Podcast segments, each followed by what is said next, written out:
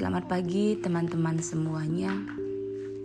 Hari ini saya akan membawakan renungan dari Injil Yohanes 4 ayat 35 sampai 42. Bukankah kamu mengatakan empat bulan lagi tibalah musim menuai?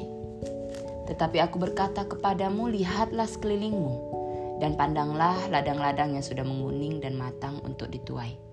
Sekarang juga penuai telah menerima upahnya dan ia mengumpulkan buah untuk hidup yang kekal sehingga penabur dan penuai sama-sama bersuka cita. Sebab dalam hal ini benarlah peribahasa, yang seorang menabur dan yang lain menuai. Aku mengutus kamu untuk menuai apa yang tidak kamu usahakan.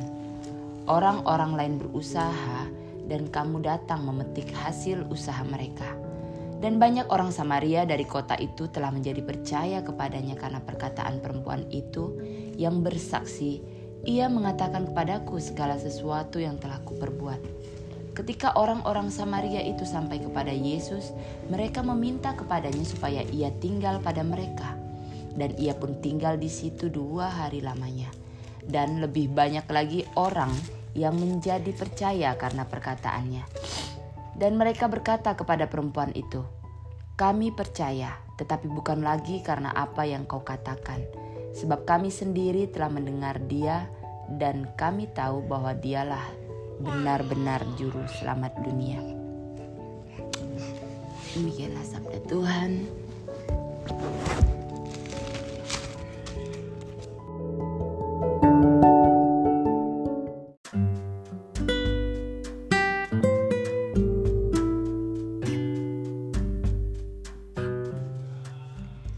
Dalam Yohanes 4 ayat 35 sampai 42 saya melihatnya sebagai konteks penginjilan di mana perempuan Samaria itu telah menginjili, telah mengabarkan berita mengenai Yesus apa yang telah dia lakukan dan kemudian itu membawa orang-orang ingin mengenal Yesus lagi lebih dalam dengan cara mereka ingin bertemu dengan Yesus. Jadi kalau saya lihat di dalam konteks sekarang ini, nah, itu adalah uh, salah satu contoh kita di dalam penginjilan bahwa kita sebenarnya datang ke dunia ini harus mengabarkan kabar sukacita kepada orang-orang yang berada di sekitar kita. Di sini disebutkan bahwa mereka mengatakan di dalam ayat 42 bahwa mereka tidak lagi percaya karena perkataan perempuan itu, tetapi mereka percaya karena mereka telah bertemu dengan Tuhan Yesus dan telah mendengar apa yang telah dikatakannya. Dan sekarang ini, apakah kita memang benar-benar percaya kepada Tuhan Yesus? Dan kita benar-benar percaya bahwa Dia adalah Juru Selamat manusia. Karena kalau dia mendahulu kala di pada pada cerita perempuan Samaria ini, orang-orang Samaria benar-benar secara real, secara nyata bertemu Yesus dan mereka melihat pribadi Yesus dan mereka percaya kepada pribadi Yesus dan mereka percaya kepada kuasa kata-katanya bahwa apa pun yang Tuhan Yesus katakan itu memang berkuasa. Kata-katanya itu loh, kata-kata yang berkuasa. Sedangkan di zaman sekarang ini, kita, apakah kita benar-benar percaya kepada Yesus?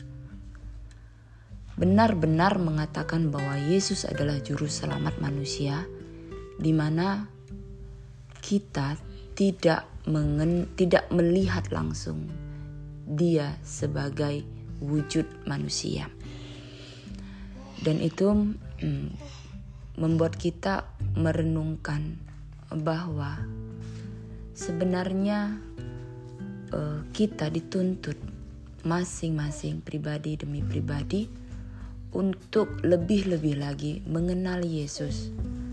Lebih-lebih lagi mengenal Yesus di dalam firman-Nya. Maka uh, untuk sekarang kita mengenal Yesus melalui Alkitab.